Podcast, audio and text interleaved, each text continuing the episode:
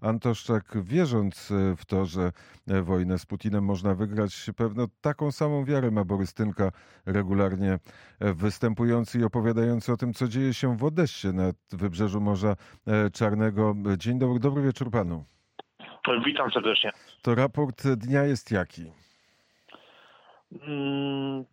Spokojnie, cisza, spokój. Piękne, słoneczne niebo. Rozmawiałem dzisiaj akurat z żołnierzami, którzy przyszli odbierać od nas y, kamizelki kuloodporne. Pochwalę się, przepraszam. Muszę się pochwalić, bo to jest naprawdę warto się pochwalić, bo to dzięki Państwa słuchaczom te kamizelki kuloodporne do nas dotarły, dzięki datkom, wpłatom na paliwo dla kierowców, którzy te kamizelki przywieźli jest bardzo bojowe nastawienie, jest bardzo pozytywne nastawienie. Dzisiaj akurat jest bardzo słoneczna pogoda, jutro będzie podobna. Potem czeka nas tydzień podobno szturmowej, sztormowej pogody, więc takiej nie bardzo zachęcającej do desantu. No cieszmy się.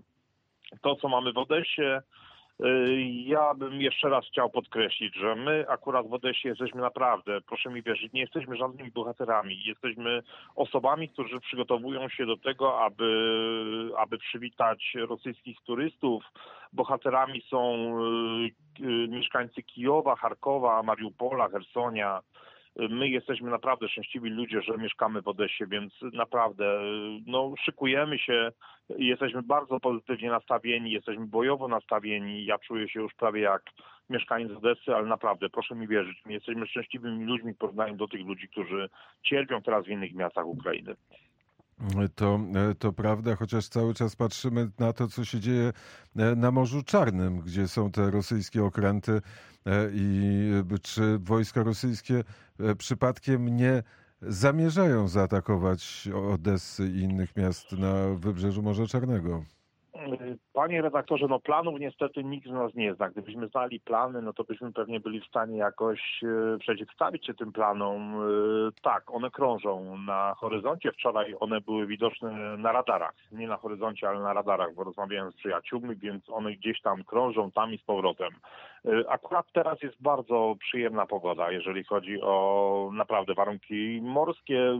Nie znam się, powiem, nie chcę się mączyć, panie redaktorze, więc, więc tutaj zostawiam tą sprawę na pewno doświadczonym wojskowym. No, z tego co wiem, to od jutra, pojutrze ma się zacząć, zacząć sztormowa pogoda, która, która na pewno nie pozwoli e, wysadzić desant. E, nawet dzisiaj jest taka lekka mgiełka, no to nie jest taka czysta, bo czyste niebieskie, błękitne niebo. Jutro ma być troszeczkę bardziej zachmurzona pogoda, więc no ja podchodzę do tego bardzo z dużym optymizmem, że, że jednak mimo wszystko ja w głowie sobie w ogóle układam to wszystko, tę całą sytuację i po prostu ja nie wierzę w to, żeby żeby, żeby Federacja Rosyjska zaczęła choćby bombardować Odessę. Po prostu do mnie to do głowy nie dochodzi. Ja bardzo przepraszam, ja to patrzę, patrzę na to wszystko z takiego poziomu powiedzmy Y, fascynata, y, autora książek o Odessie, no dla mnie, dla mnie to jest po prostu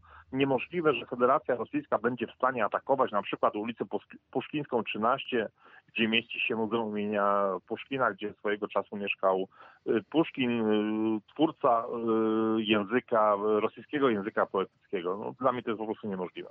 Mm, tak jak niemożliwe wydaje się bombardowanie Kijowa, a to zaczęło się zdarzać. Właśnie, dokładnie tak. Dokładnie pan, pan redaktor świetnie to określił. Dokładnie tak. Jeszcze przez dwa tygodnie temu nikt w ogóle sobie nie był w stanie wyobrazić, że, że ktokolwiek będzie bombardował bloki, prawda?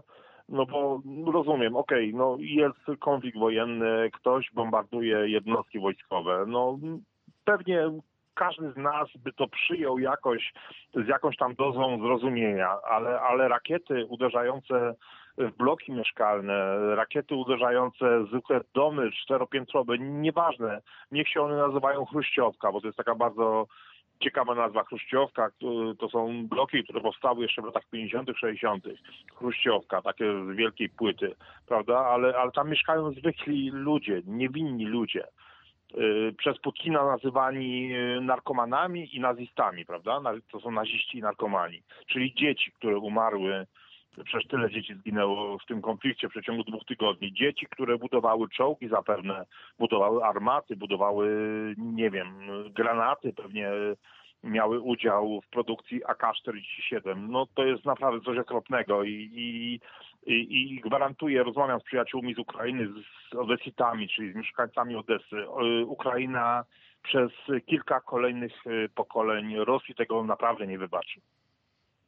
Na to wygląda i tak mówią ci Ukraińcy, którzy e, przyjeżdżają, przyjeżdżają do Warszawy. A czy nie ma niebezpieczeństwa, że e, Putin zamęczy e, tymi bombardowaniami Ukraińców, którzy nagle powiedzą sobie, dobrze, po co nam ta wojna? Oj, czy zamęczy? No to jest bardzo ciężko ocenić, co znaczy zamęczy, prawda? Bo, bo nie oszukujmy się, jeżeli chodzi o bój, taki, o taki nastrój bojowy ze strony Ukrainy, on jest naprawdę na bardzo wysokim poziomie. Ukraińcy są przede wszystkim świetnie wyszkoleni dzięki Zachodowi, dzięki Stanom Zjednoczonym. Ukraińcy mają bardzo wysokie morale, oni kochają swoją ojczyznę i oni chcą za nią ginąć, a to jest naprawdę bardzo dużo, prawda? To jest niesamowita cena. Rosjanie przychodząc na Ukrainę, oni naprawdę nie wiedzą o co walczą. I to, I to e, rzeczywiście e, widać i słychać w tych opisach na temat, na temat armii rosyjskiej. Tak, no patrzmy, popatrzmy na, na, na sytuację związaną z, z żołnierzami rosyjskimi wziętymi do niewoli, prawda? Ja jestem w stanie zrozumieć, że to są młode chłopaki, które, którzy nie, nawet nie wiedzą, dlaczego zostali wzięci do niewoli, z jakiego powodu, z jakiego powodu w ogóle się znaleźli na, na terenie Ukrainy. Być może większość z nich nie znała rozkazów albo dowiedziała się o nich na samym końcu. To już teraz nie ma znaczenia. Ukraińscy żołnierze są naprawdę świetnie y, nastawieni bojowo ja mam możliwość rozmawiać z tymi żołnierzami, akurat w Odessie, ponieważ y, pomoc humanitarna, która przychodzi do Odessy, którą odbieramy z Orłowki i przywozimy do Odessy, właśnie ta pomoc jest bezpośrednio przekazywana żołnierzom ukraińskim, więc ja mam z nimi bezpośredni kontakt. Oni przychodzą do nas, odbierają kamizelki kuloodporne, odbierają inne niezbędne dla nich y, potrzeby. Wczoraj naprawdę po raz kolejny muszę się pochwalić, no dzięki, dzięki Państwu, naprawdę dzięki Państwu, dzięki Państwu słuchaczom dotarło do nas 50 kamizelek kuloodpornych. Wydawałoby się, że to jest bardzo mała liczba, ale to jest ogromna liczba, bo być może dzięki Państwu właśnie y, zostanie uratowanych 50, 50 y, żyć. Może to zbyt tak górnolotnie brzmi, ale taka jest prawda. Więc y, ja mam kontakt z tymi żołnierzami. Oni, oni rozmawiamy na ten temat. To są ludzie, którzy naprawdę chcą walczyć za swoją ojczyznę. Oni kochają swoją ojczyznę, oni wiedzą za co walczą.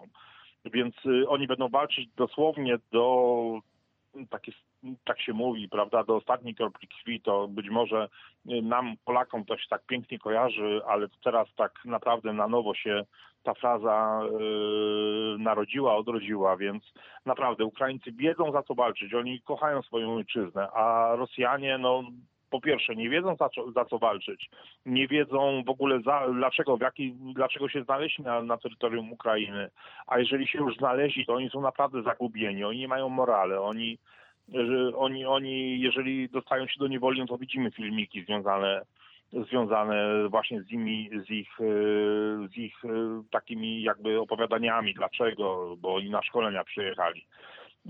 Ukraina musi się trzymać i módlmy się za to naprawdę, bo to jest niezwykle ważne, bo jeżeli Ukraina się utrzyma, no to, to ja tak, tak sobie myślę jako zwykły, zwykły człowiek, że jeżeli Ukraina się na chwilę obecną utrzyma, to naprawdę na świecie, przynajmniej w Europie zapanuje na zapanuje pokój i to na długo, bo byliśmy tak bardzo szczęśliwi, bo w 1945 roku tyle lat spokoju było, do, do dnia dzisiejszego były ok, konflikty lokalne, bardzo poważne, Bałkany, choćby nawet, prawda, Jugosławia.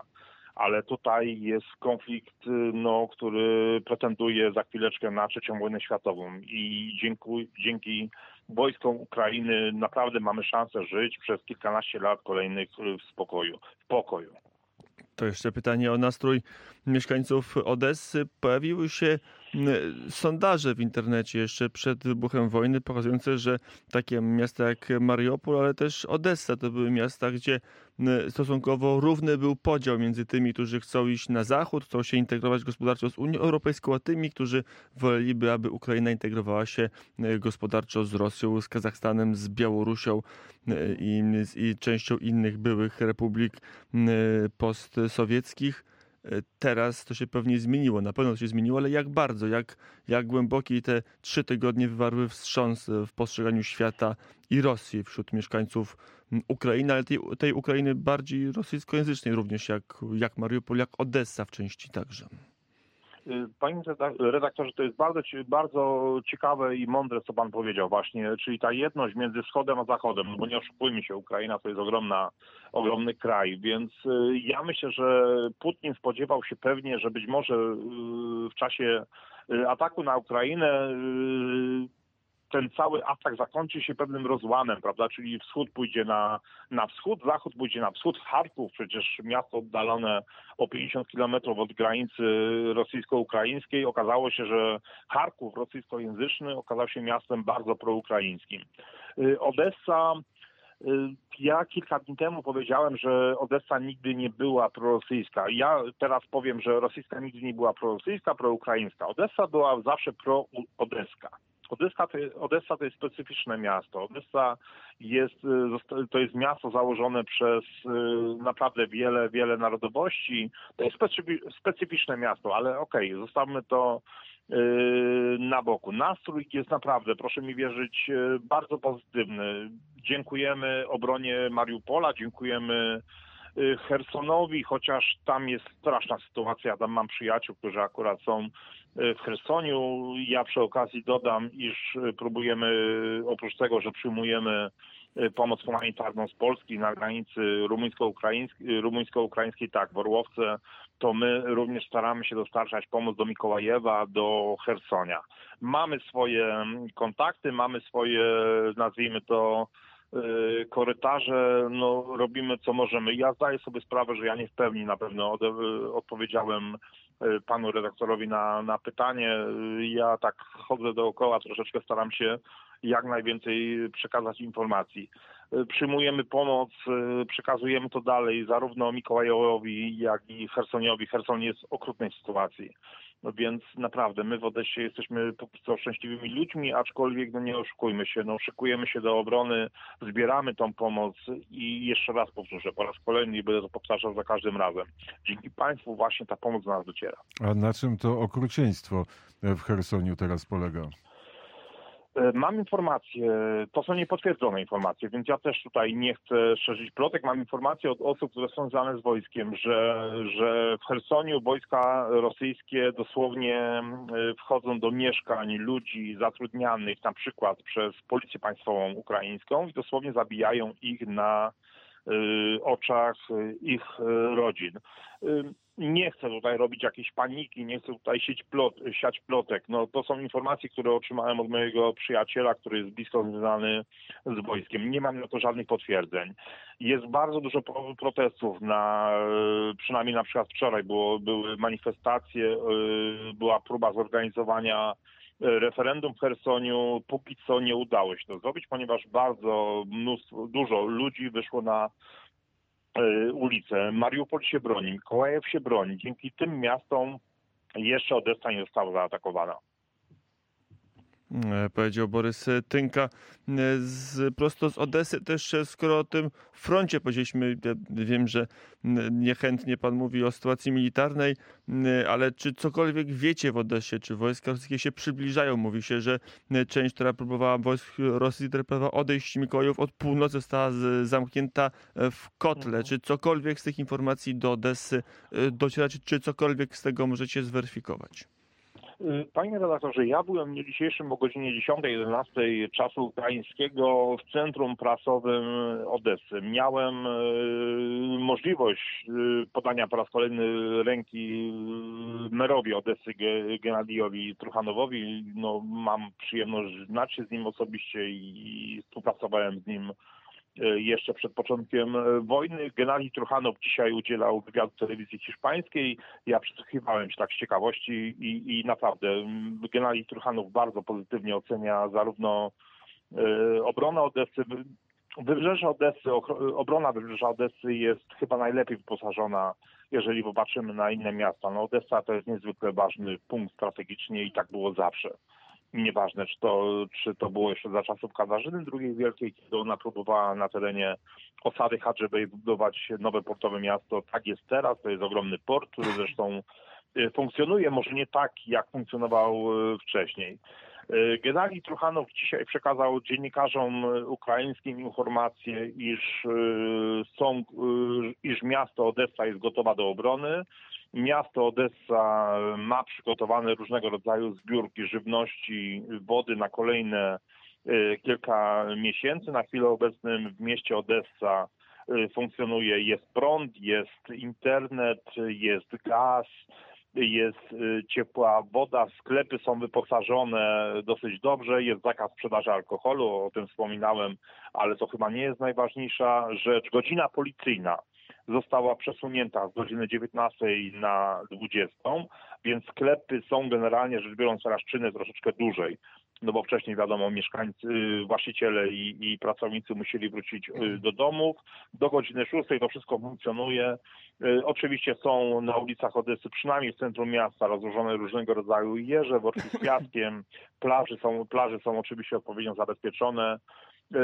Tak się złożyło, że no, w sobotę, y, wczoraj była niedziela, my przyjechaliśmy z Orłowki, akurat przepraszam, mi się też mylą już dni powolutku.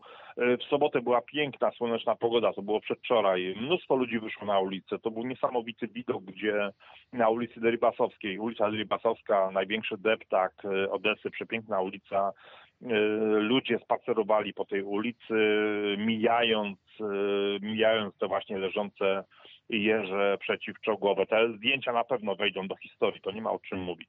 My wszyscy wierzymy w to, że to jest kwestia y, tygodni, a ja, ja jeszcze raz chciałbym podkreślić, że właśnie dzięki panu redaktorowi, dzięki temu, że pan pozwala mi takie pewne apele y, przekazywać słuchaczom y, Radia Wnet, dzięki temu do nas mogą przyjeżdżać może przyjeżdżać pomoc humanitarna, ponieważ tutaj jest największy problem teraz z paliwem i naprawdę ja panu re- redaktorowi osobiście bardzo dziękuję, dziękuję słuchaczom.